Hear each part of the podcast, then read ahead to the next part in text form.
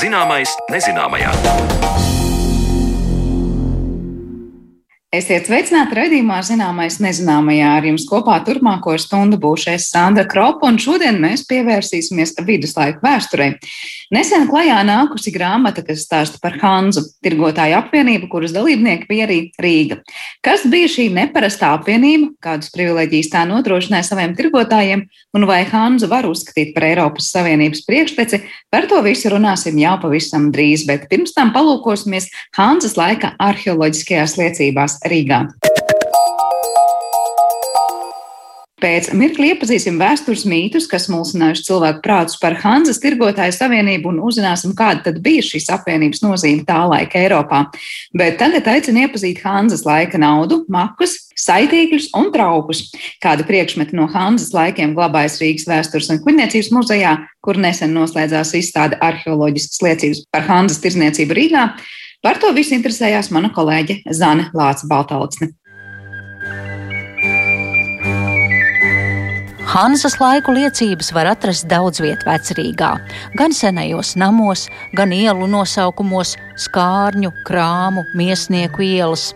Rīgas vēstures un kuģniecības muzejā lielākais eksponāts no Hanzas Savienības laikiem, kas 400 gadu garumā apvienoja gandrīz 300 pilsētas 16 Eiropas valstīs, ir koges, jeb tā laika tirdzniecības būru kuģa fragments. Bet nesen muzejā bija atvērta izstāde par Hanzas tirdzniecību Rīgā, un izstādē varēja aplūkot savulaik vecrīgā arheoloģiskajos izrakumos atrastos priekšmetus.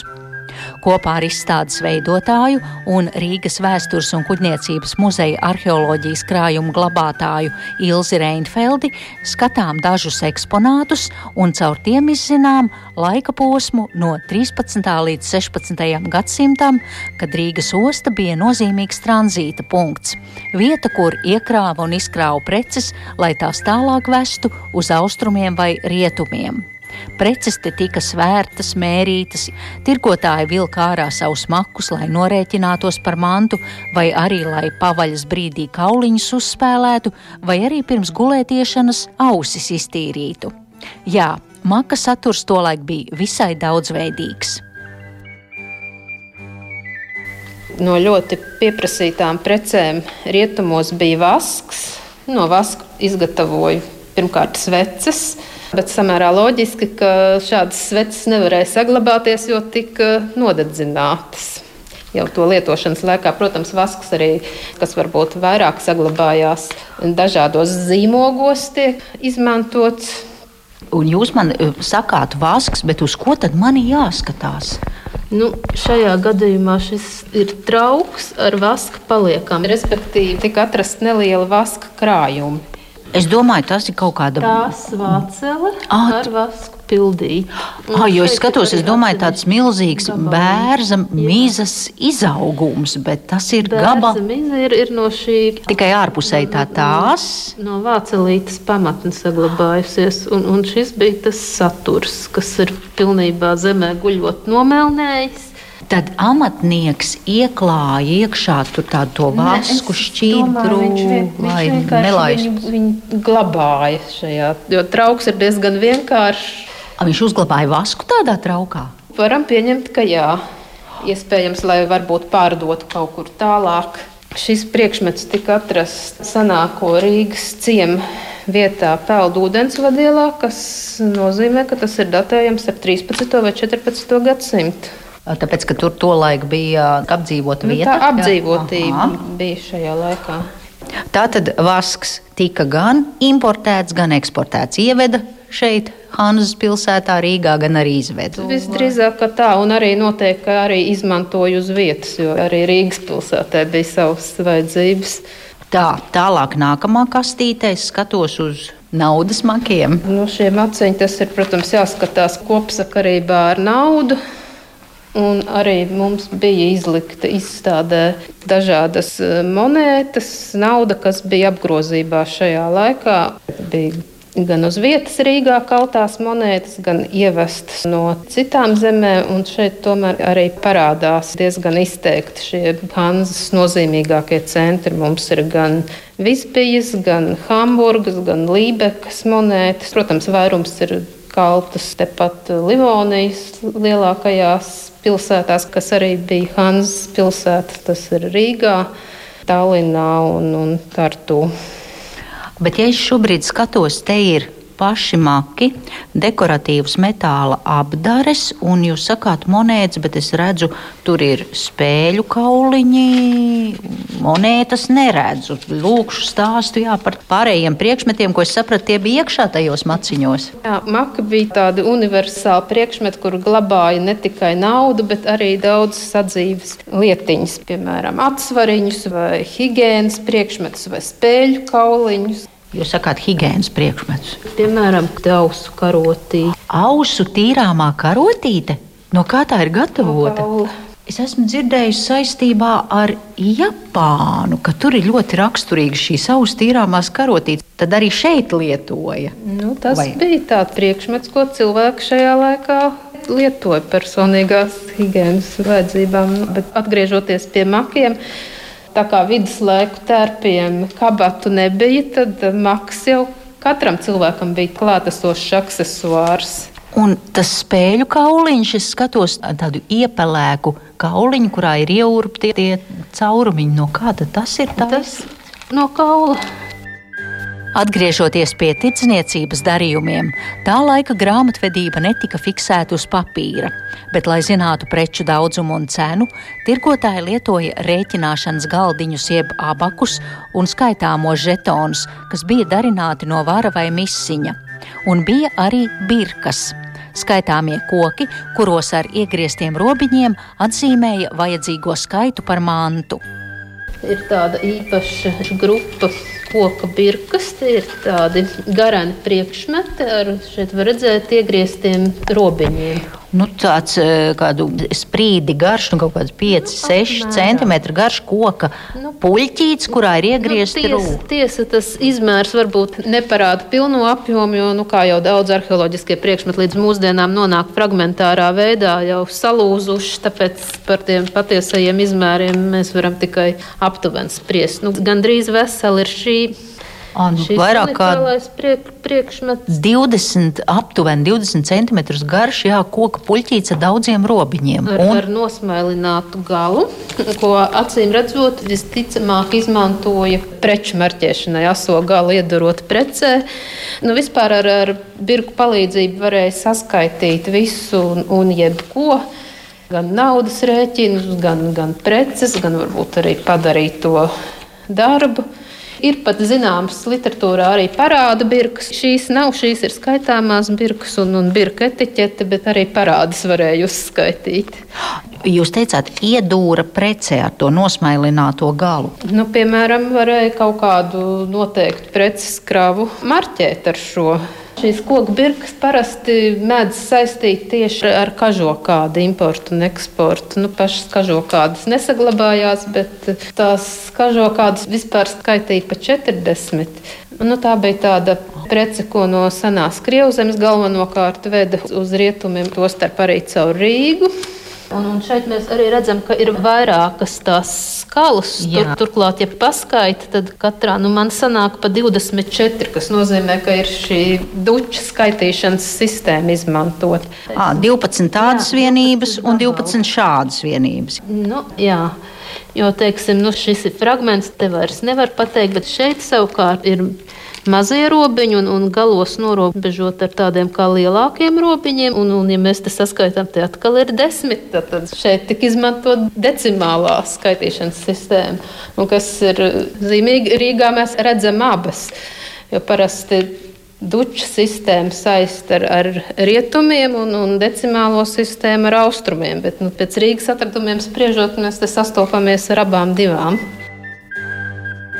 Neatņemama un obligāta viduslaiku tirgotāja darba sastāvdaļa bija preču svēršana. Rīgas tirgus laukumā atradās 14. gadsimtā uzbūvētā svaru māja ar lielajiem galvenajiem pilsētas svariem. Mazāku priekšmetu, kā arī sudraba monētu svēršanai, tika lietoti saliekamie svariņi. Svaru un atsvaru tas ir vēl viena veida tirdzniecības inventārs, ko mēs arī atrodam Rīgas arheoloģijā. Tas arī tirgotājiem tāda nepieciešama lieta bija. Protams, svēršana un mērīšana tas notika dažādos līmeņos. Pilsētas centrā Rātslaukumā atradās arī lielie galvenie pilsētas svari, uz kuriem ievestā prece tika nosvērta. Nu, šajā gadījumā tie ir pavisam mazi svariņi, saliekamie svariņi, kurus izmantoja sīku priekšmetu svēršanai, arī iespējams arī naudas un sudraba svēršanai. Tāds tā kā metāla knābis. Kur svaru cilpiņa šajā daļā. Un tie apaļie metāla bumbuļi, kas izskatās kā pludiņi, tie ir atsvari. Bet, kas, kas ir zīmīgi, tomēr šiem atsvariņiem ir viena masa, viens svars, ka tomēr pastāvē šī sistēma. Kas vēl, ja mēs skatām tālāk, man tās trauku lauskas ārkārtīgi interesē. Es skatos jā, uz tādām bālām, krūkām un kausiem un vāzēm. Nu, trauku lauskas, šie trauki ir tipiskie importa priekšmeti, par kuriem varbūt tiešā veidā rakstītie avoti nerunā, toties viņi ir visur esoši. Nu, visur esoši, tas, es, es domāju, ja salīdzinu um, Rīgas un, un citu Baltijas jūras pilsētu arheoloģiskās kolekcijas, tad tur parādās visai līdzīga aina. Jūs teicāt, tipiskie importa priekšmeti, pēc kā varēja noteikt, ka tie nebija gatavoti šeit uz vietas, bet tos atveda? Nu, pirmkārt, redzam, materiāli, tas gaišs krāsas māls, tā saucamā akmens masa. Nu, akmens masa ir keramikas izstrādājums, kur iegūst apdedzinot īpaši augstā temperatūrā, bet priekšmetu izēviela ir, ir baltais māls. Nu, pie mums tāda dabā neiegūst. Vai ir zināms, no kurienes? Šie centri ir noskaidroti. Tie atrodas mūsdienu Vācijas teritorijā, galvenokārt Reinzemē. Tā ir kāda bļodiņa vai grūti pateikt, mm. kādam kam izmantoja. Visvairāk šie trauki tomēr ir izmantoti šķidrumu uzglabāšanai un pārvadāšanai. Nu, jā, ja runājam par tirdzniecības precēm, nu, droši vien tas varēja būt vai, vai alus vai vīns. Starp importa un eksporta precēm, sāli, siļķiem, audumiem, vīnu, kažokādām un vasku kuģos tika krauta arī vietējā produkcija - lini, kaņepāja un labība. Ilza Reinfelde vērš manu skatu uz nomelnējušiem dažāda garuma kaņepāju virvju gabaliņiem šīm kaņepēm, kas arī parādās rakstītajos avotos, kā nozīmīga eksporta precē, bija pielietojums. Nu, izgatavoja dažādas virves un auklis, kas tomēr bija tajā laikā varētu teikt, vienīgais materiāls. Un atceramies, ka tieši kuģniecībā virves ir ļoti nepieciešams un vajadzīgas. Un tāpat arī, protams, arī ikdienas sadzīvē. Un, un jāsaka, ka šādas lūku virves fragmentiņus arheoloģiskajos slāņos atrod ļoti daudz. Nu, protams, ka saglabātība arī ir diezgan slikta. Reti, kurš priekšmets ir tāds tiešām labs un, un eksponējams. Nu, tā izmantotība bija. Par Hānas laika arheoloģiskajām liecībām stāstīja Rīgas vēstures un kuģniecības muzeja arheoloģijas krājuma glabātāja Ilza Reinfelda. Bet raidījuma turpinājumā pievēršamies pašai Hanzai un tās tirgotājas sadzīvei viduslaika Eiropā.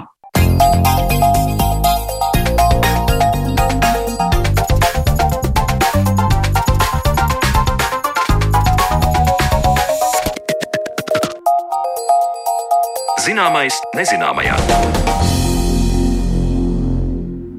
Klajā nākusi vēsturnieka Karstena Jankas grāmata Hanza, kas iepazīstina ar jaunākajiem pētījumiem par Hanzu. Kas tad bija un kas nebija Hanza, kāpēc tā lika lauzīt galvas Anglijas karalim? Un kāpēc Hanza mūsdienās ir kļuvusi par teju turismu simbolu? Par to visu mēs runāsim turpmākajās minūtēs ar mūsu attālinātās studijas viesi, vēsturnieku, Latvijas Universitātes vēstures un filozofijas fakultātes vadošo pētnieku Ilgvaru Misānu. Labdien! Labdien! Elgvara, jūs esat uh, pamudinājis grāmatas autoru, tad uh, patiesībā arī tulkot darbu, un esat uh, šīs grāmatas zinātniskais redaktors.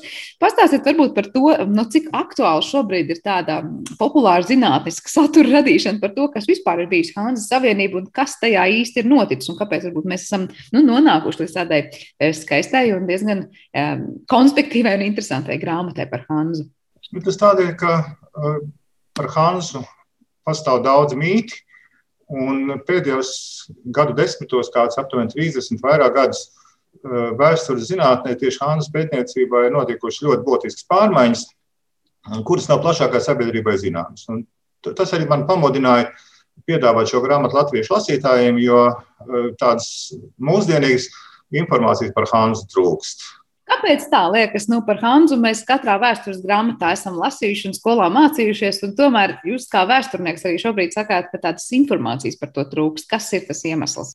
Informācijas par Hanzu kā tādas netrūkst, bet trūkst eh, mūsdienīgas informācijas, atbilstošas jaunākajām zinātnes eh, atziņām. To es domāju. Ko paši vēsturnieki zina un nezina par Hanzu, un varbūt kādus izplatītākos mītus eh, mēģina šķetināt? Nu, mītu un mālu patiešām netrūkst. Un tie, kā man šķiet, ir izskaidrojami ar cilvēkiem piemītošo vēlmu skatīt vēsturē nevis to, kas ir bijis, bet to, ko grib ieraudzīt. Un skats uz pagātni tad tiek vērsts no mūsdienām, un tāpēc agrāk laika parādības tiek skaidrots, izējot no savas, no savu laiku pieredzes. Un tā nu ir, ka cilvēku dabai piemīt tāda vēlme pagātnē meklēt pamatojumu, apstiprinājumu sava laika realitātei, un, ja tas kļūst par galveno mērķi vai pašmērķi, tad rodas mīti. Un Jānis grāmatā ir vairāk šādu ar Hanzu saistīto mītu tiksim, apraksts, un arī e, to rašanās ir labi izskaidrot. Es minēšu dažus piemērus. Nu, piemēram, 19. gadsimta vidū Hanzas vēsture bija pirmām kārtām saistīta ar liberālu romantisko vēstures vilni, kas bija pārņēmis Vācija, veidojot pilsoniskā sabiedrība.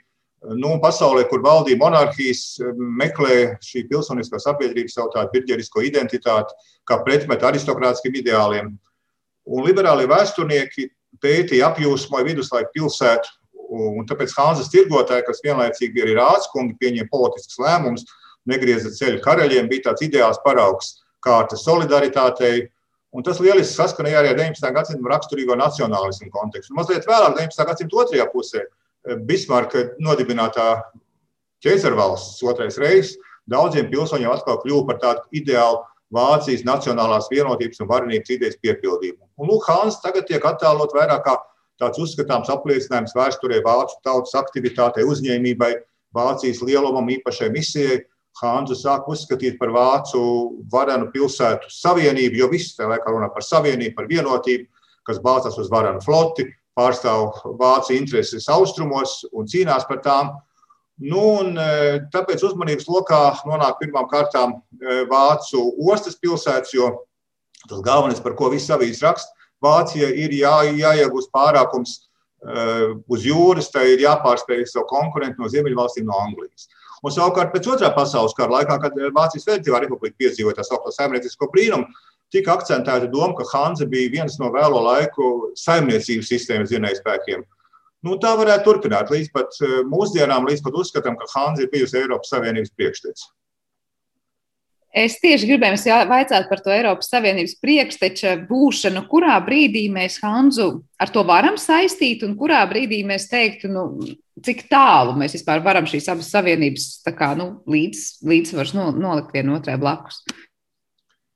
Nu, ja pieturās pie tā tradicionālā senākā uzskata, un uzdod jautājumu, kas bija Hanza, un uz šo jautājumu atbild, ka tā ir Vācu pilsētu politiska savienība eh, ar mērķi kopīgi iegūt privilēģijas, un tad ar šo privilēģiju palīdzību nodrošināt dominējošo stāvokli Ziemeļjūras un Baltijas jūras reģionu tirzniecībā, tad eh, te varētu sakarību meklēt. Un tāds skaidrojums, kā es viņu pat kā minēju, bija arī ilgu laiku vispār pieņemts, un ar vienu vēl tas tiek bieži tiražēts gan populāra rakstura publikācijās, gan uzzīmju literatūrā, bet jaunākie eh, vēsturnieku pētījumi piedāvā eh, citas interpretācijas, un eh, tāpēc arī nu, tas, teiksim, tas akcents varētu mainīties. Un Jankis šī grāmata ļoti labi arī to parāda. Kur ir tas jaunais? Jaunākajā literatūrā Hanza tiek analizēta un aprakstīta ne tik daudz kā pilsētas savienība, tas ir tādā teritoriālā politiskā aspektā, bet gan no tirgotāju un no viņu saimniecisko interešu viedokļa. Un atšķirībā no agrākajiem traktējumiem, mūsdienās tiek akcentēts, ka Hanza drīzāk vienoja nevis pilsētas kā tādas, bet pirmām kārtām tajā dzīvojošos tirgotājus, kuri apvienoja spēkus privileģiju iegūšanā, privileģiju aizsargāšanā ārzemēs Līdz ar to Hanza tiek traktēta pirmām kārtām kā, kā persona, kā tirgotāja kopība, kā šo tirgotāju tīkls.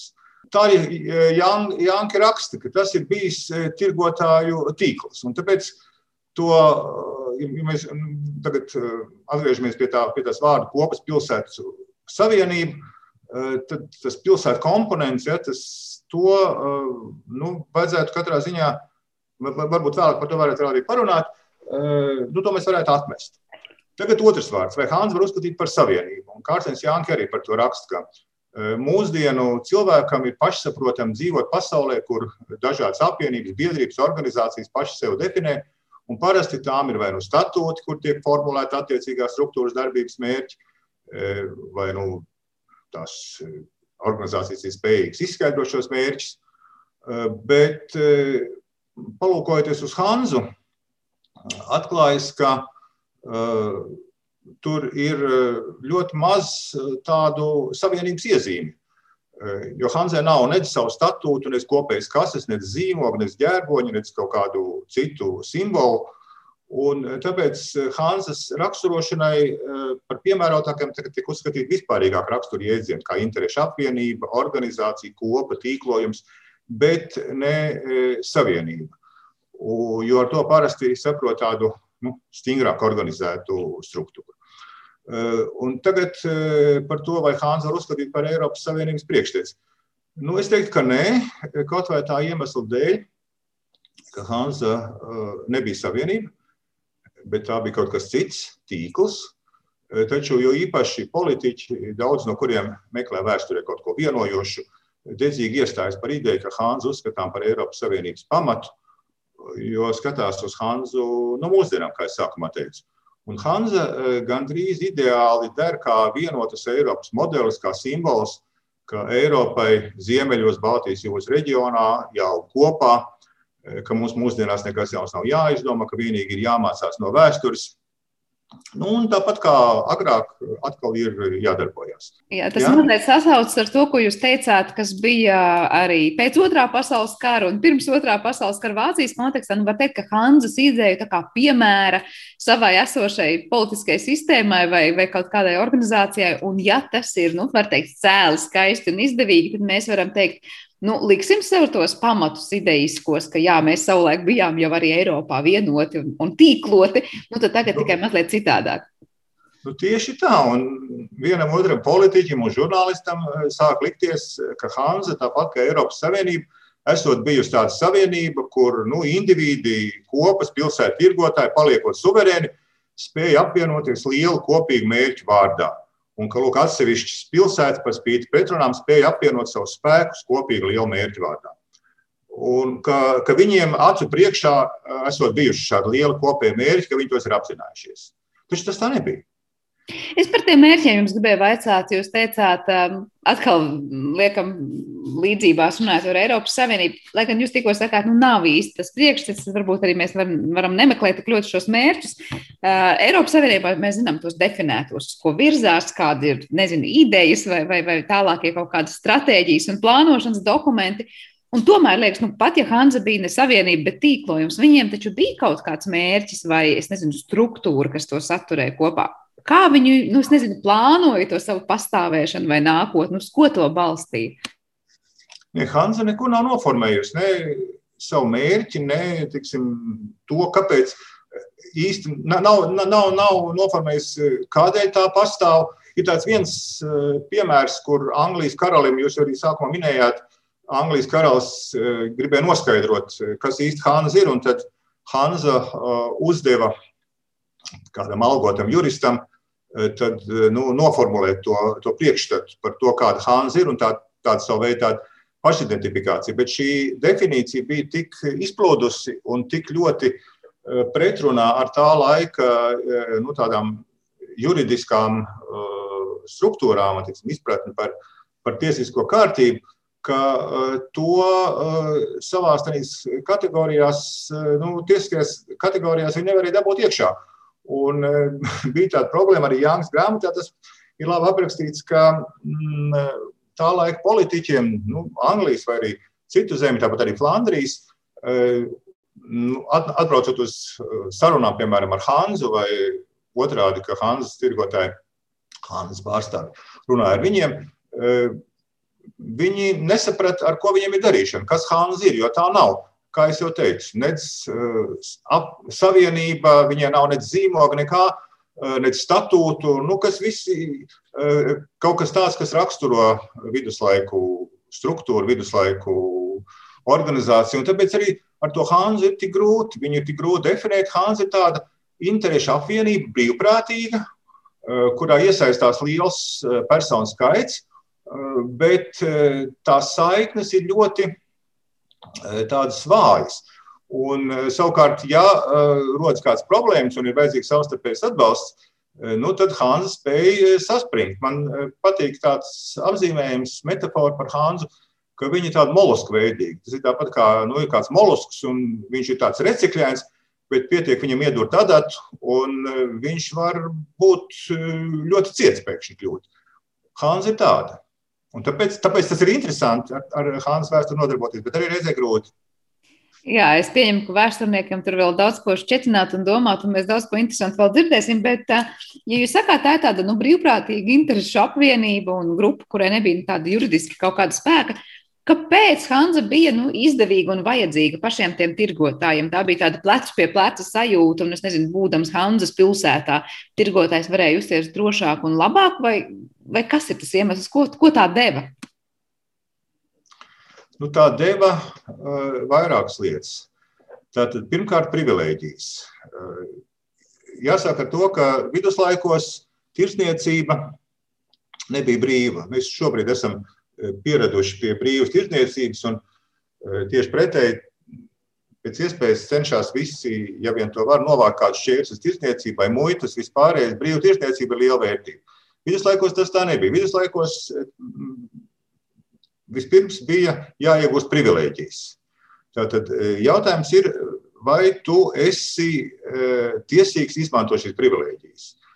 Un otrkārt, Hanza deva informāciju tā Hanzas tīkls deva pieeju informācijas tīklam. Tātad tas bija gan preču apmaiņas tīkls, Jānis grāmatā ir ļoti labi tas aprakstīts, kā tirgotāji savā starpā mainījās ar precēm, kā viņi tādā veidā mazināja izdevumus, jo uh, viņi uh, bez atlīdzības ņēma uh, un tirgojās ar, ar citu tirgotāju precēm. Un savukārt sagaidīja, ka tieši tāpat citā pilsētā cits tirgotājs tirgosies ar viņu precēm. Un tas bija ārkārtīgi racionāli. Otrakārt, Hanza nu, izveidoja kaut kādus noteiktus standartus, piemēram, mucu standarts, audumu baķu garuma standarts. Ja kādā Hanzas pilsētā šis auduma baķis bija nosvērts vai nomērīts, tad tas vairs nebija jāpārbauda.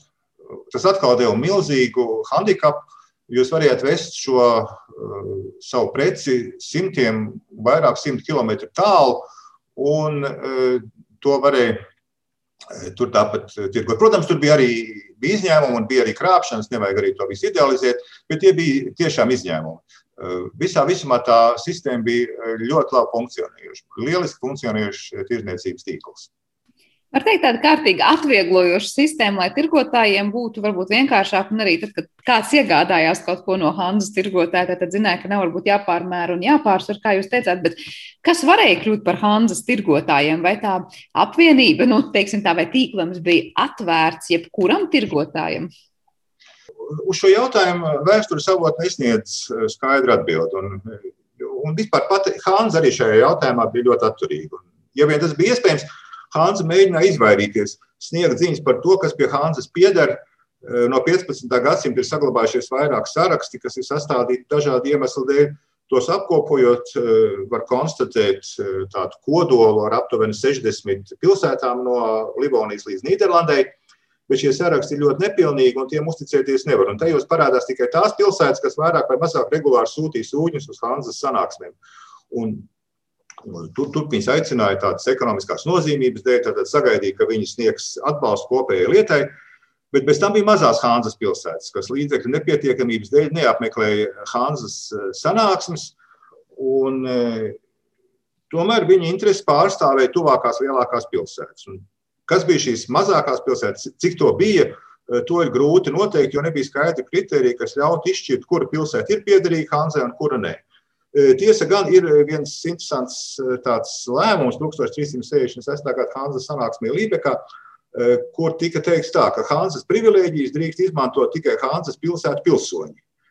Bet to, kas ir Hanzas pilsēta, kas pilsētu padara par Hanzas pilsētu, tas tur palika nepateikts. Un līdz ar to tie kriteriji, lai konstatētu, kas ir piederīgs, kas nav piederīgs Hanzai, ir izplūduši.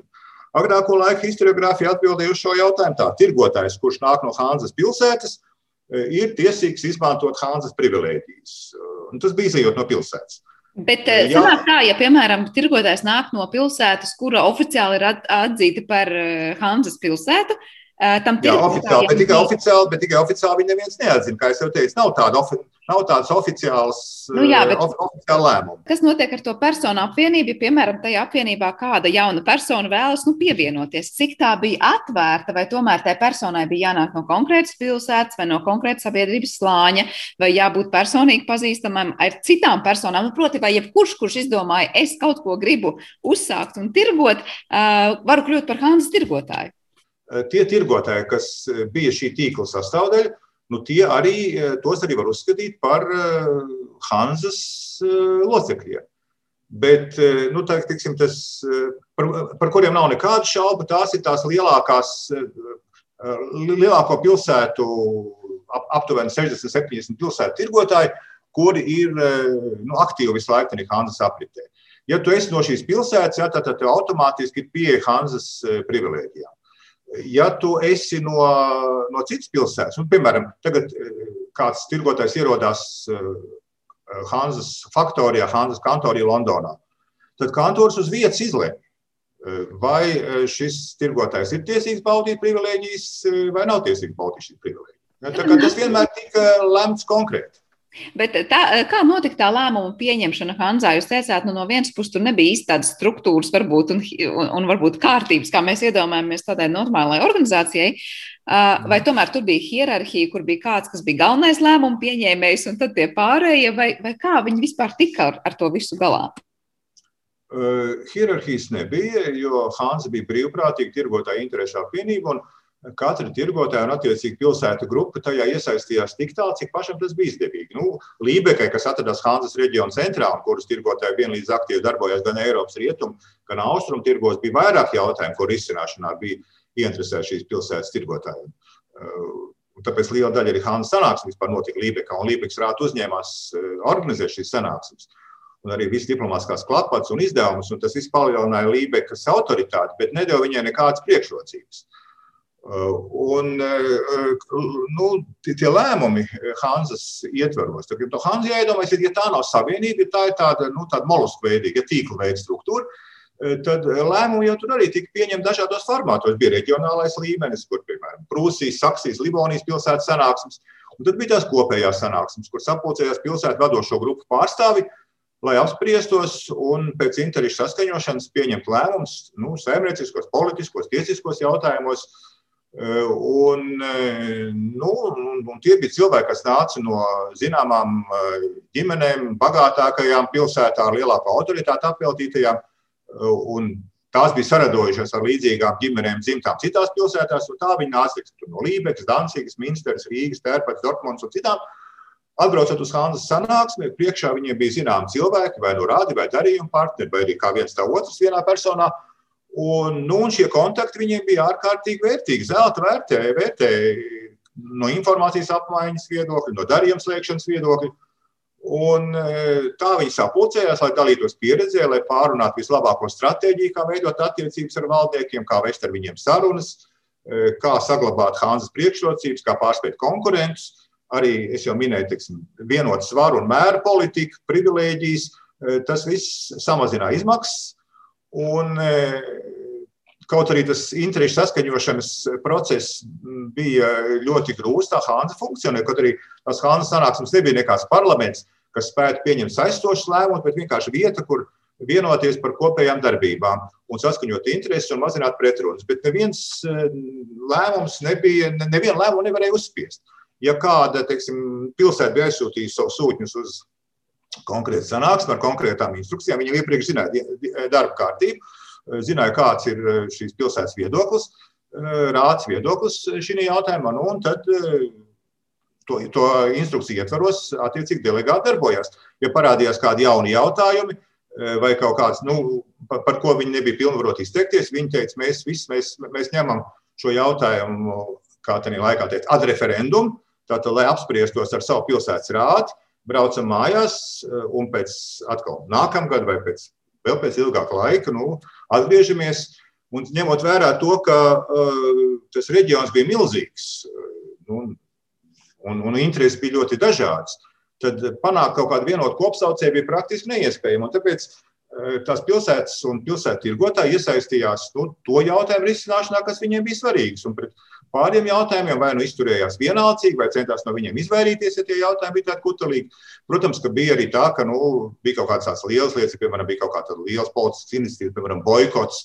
Nu, tad uh, arī tika sagaidīts, ka arī par to pilsētu sūtņi, kas nav klāt, ka, nu, tad, ka tās pilsētas arī uh, iesaistīsies uh, šajā pasākumā, bet nekādas sankcijas piemērot viņiem, ja viņi to nedarīja, nu, nevarēja. Hansa to neparedzēja.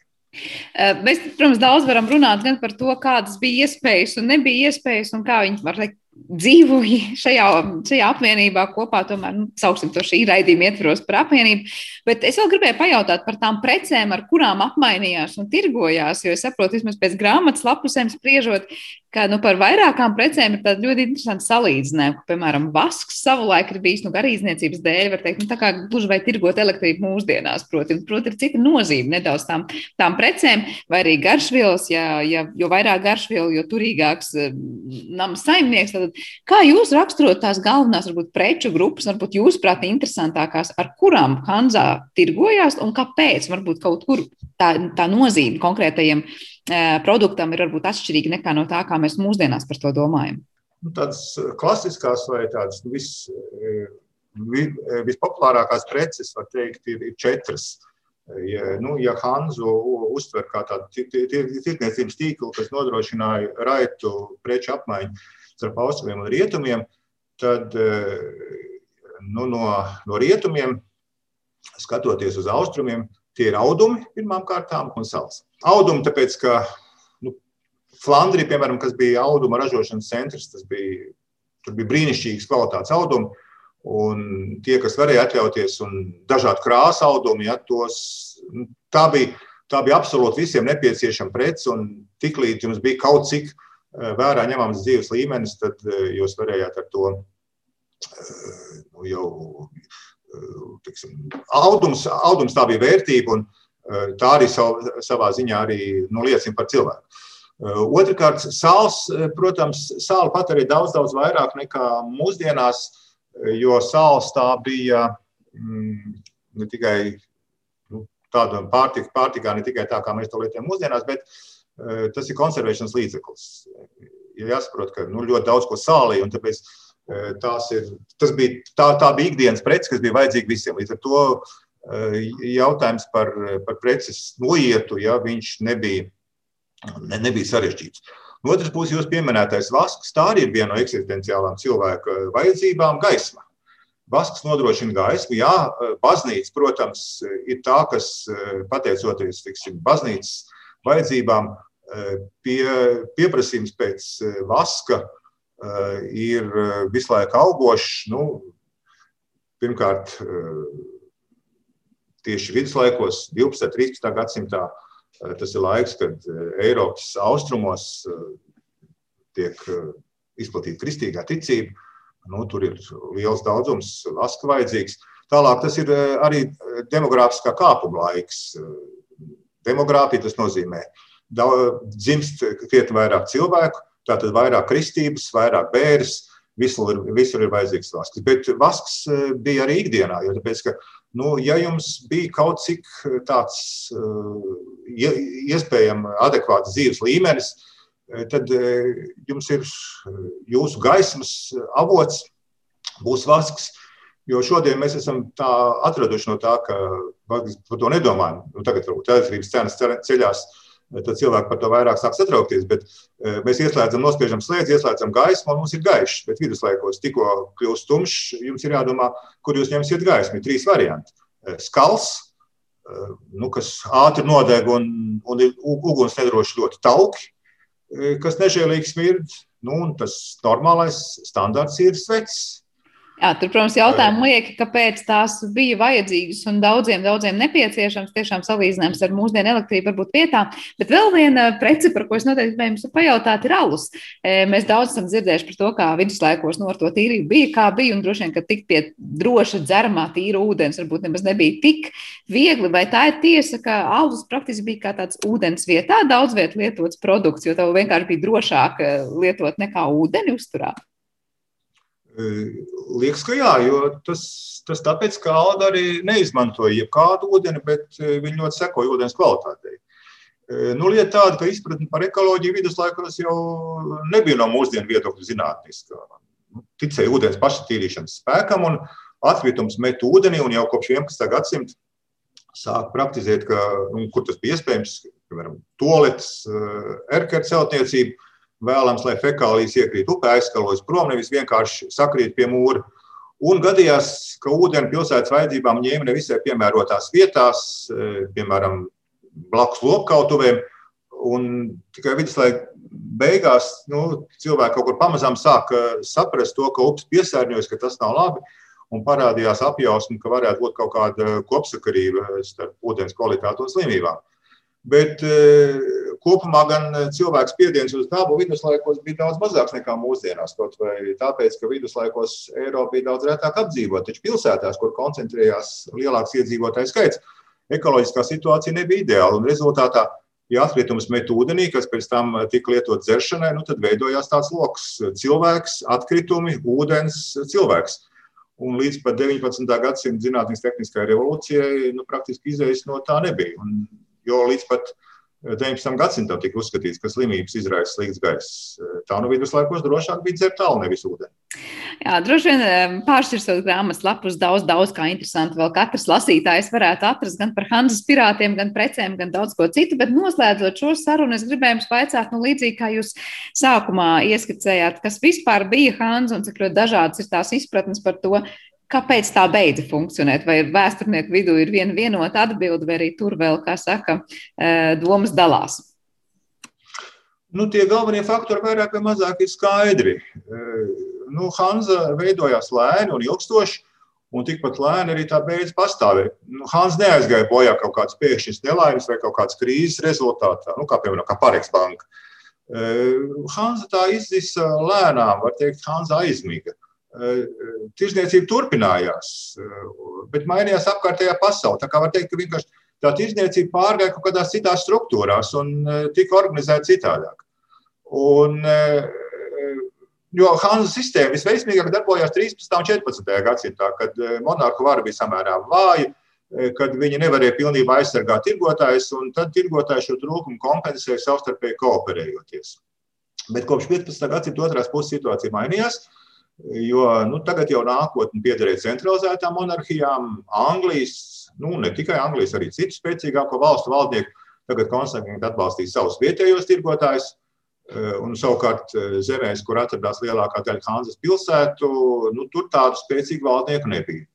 Un tāpēc Hanzai arī vienlaikus nācās cīnīties ar, ar pieaugušo angļu, Dienvidvācijas tirgotāju konkurenci, holandiešu konkurenci. Nu, un tad vēl 15. Eh, gadsimta beigās tika atklāta jaunā pasaule. Eh, tirzniecības ceļi pārvirzījās uz turieni. Eh, tie bija arī globālās tirdzniecības aizsākumi.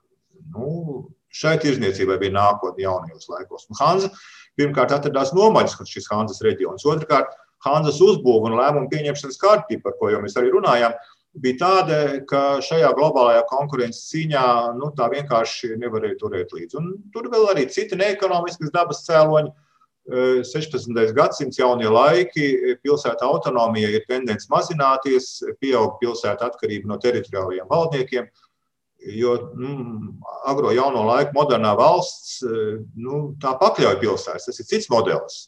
Nu, protams, reformācija, lielie konflikti. Reģions ir milzīgs, kaut kur uzvar protestanti, kaut kur katolicisma piekritēji, un līdz ar to tās politiskās uh, un radniecības saites e, tika sarautas. Nu, sekas bija tādas, ka e, vienot tirzniecības politiku īstenot kļuva arvien grūtāk, un no Hanzas atkrita viens reģions pēc otra. Pilsēta vienkārši pārstāja sūtīt savus sūtņus uz Hanzas sanāksmi. Piemēram, Livonijas pilsēta delegāti Hanzas sanāksmes beidz apmeklēt 16. gadsimta vidū, un tas arī sakrīt ar laiku, kad mainījās viss politiskais ietvers, pie mums Livonijas karš, viduslaika Livonijas sabrukums, Kaut gan formāli Hāns turpināja pastāvēt līdz 1669. gadam, kad notika pēdējā Hānzas sanāksme. Uz to gan ieradās vairs tikai seši pilsētu delegāti. Jā, tā kā jūs ļoti ilustratīvi parādījāt to, ka tā tiešām bija šo individu kopā sanākšanas, eh, nu, var teikt, platforma, kurā tikko šie individi beidzas kopā sanākt, tā arī patiesībā beidza dažādu iemeslu un faktoru dēļ pastāvēt arī pati Hanza. Eh, jautājumi, protams, par to, kā tirgojās, ar ko tirgojās un kā vispār savstarpēji organizējās šie tirgoņi. Eh, mēs, protams, varam daudz lasīt un daudz domāt. Es saprotu, ka arī vēsturnieku aprindā šis jautājums joprojām, vai precīzāk vairāk ar Hanzu saistīti jautājumi tiek skarti un tiek tiks skarti. Bet šajā reizē es teikšu jums lielu paldies par šo sarunu un mūsu klausītājiem atgādināšu, ka šajā raidījuma daļā bijām kopā ar vēsturnieku un Latvijas Universitātes vēstures un filozofijas fakultātes vadošo pētnieku Ilgoru Mīsānu. Ar to arī raidījums ir izskanējis, par ko parūpējās producenta Paula Gulbinska un mūzikas redaktors šai stundai bija Girds Bišs. Savukārt es Sandra Kropa ar jums būšu kopā atkal rīt un uz tikšanos.